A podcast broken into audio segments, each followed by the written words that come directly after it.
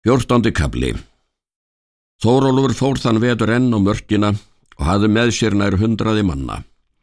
Fór hann enn sem hinn fyrra vetur átti kaupstefnu við finna og fór víða um mörkina. En er hann sótti langt austur og þar spurðist til ferða hans, þá komu kvenir til hans og sögða þeir voru sendir til hans og að það hefði gert farfið konungur af kvenlandi. Sáða Kirjálar herjuðu á land hans en hann sendi til þess orð að Þórólfur skildi faraþangað og veita húnum lið. Fyldi það orðsending að Þórólfur skildi hafa jafn mikið hlutskipti sem konungur en hver manna hans sem þrýr kvenir. En það voru lög með kvenum að konungur skildi hafa úr hlutskipti þriðjung við liðsmenn og umfram að afnámi, bjórskun öll og safala og askraka. Þórólur bar þetta fyrir leðsmenn sína og bauð þeim kost á hvort fara skildi eða eigi, en það kjöru flestir að hætta til er fjafang lág við svo mikið og var það afráðið að þeir fóru austur með sendimönnum. Finnmörk er stórlega víð.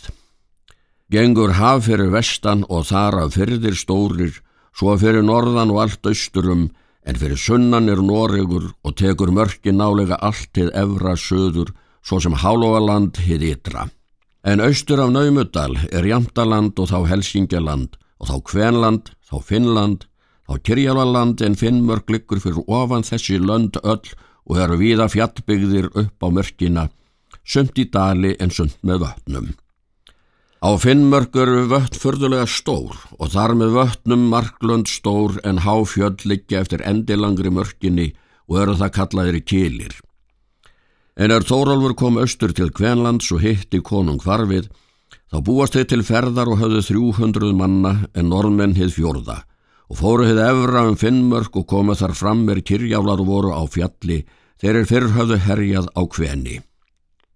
En er þeir völdu varri við ófrið, söpnust þeir saman og fóru í móti, væntu sér enn sem fyrir sigurs. En er orðust að tókst gengur normenn hart fram höfðu þeir skjöldu enn tröstari en hvennir. Snýri þá mannfalli lið kyrjála, fjall margt en sumur flýðu. Fenguð þeir fjarfið konungur og Þórólfur þar ógrinni fjár, snýra aftur til kvenlands en síðan fór Þórólfur og hans lið á mörkina. Stildu þeir farfið konungur með vináttum.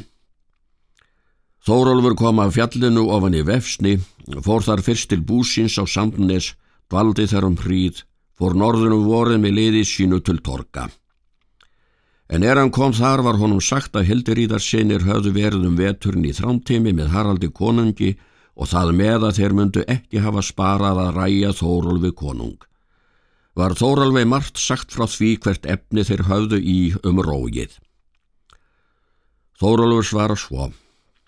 Egimun konungur trúa því þótt slík líi sé uppborinn fyrir hann því að hér eru engi efni til þess að ég muni svíkja hann því hann hefur marga hluti gert stórvel til mín en engan hlut illa og er að fyrra að ég muni vilja gera honum meint þótt ég ætti þess kosti að ég vil miklu heldur vera lendur maður hans en heita konungur og væri annar samlendur við mig sáur mig mætti gera þrælis sér vildi.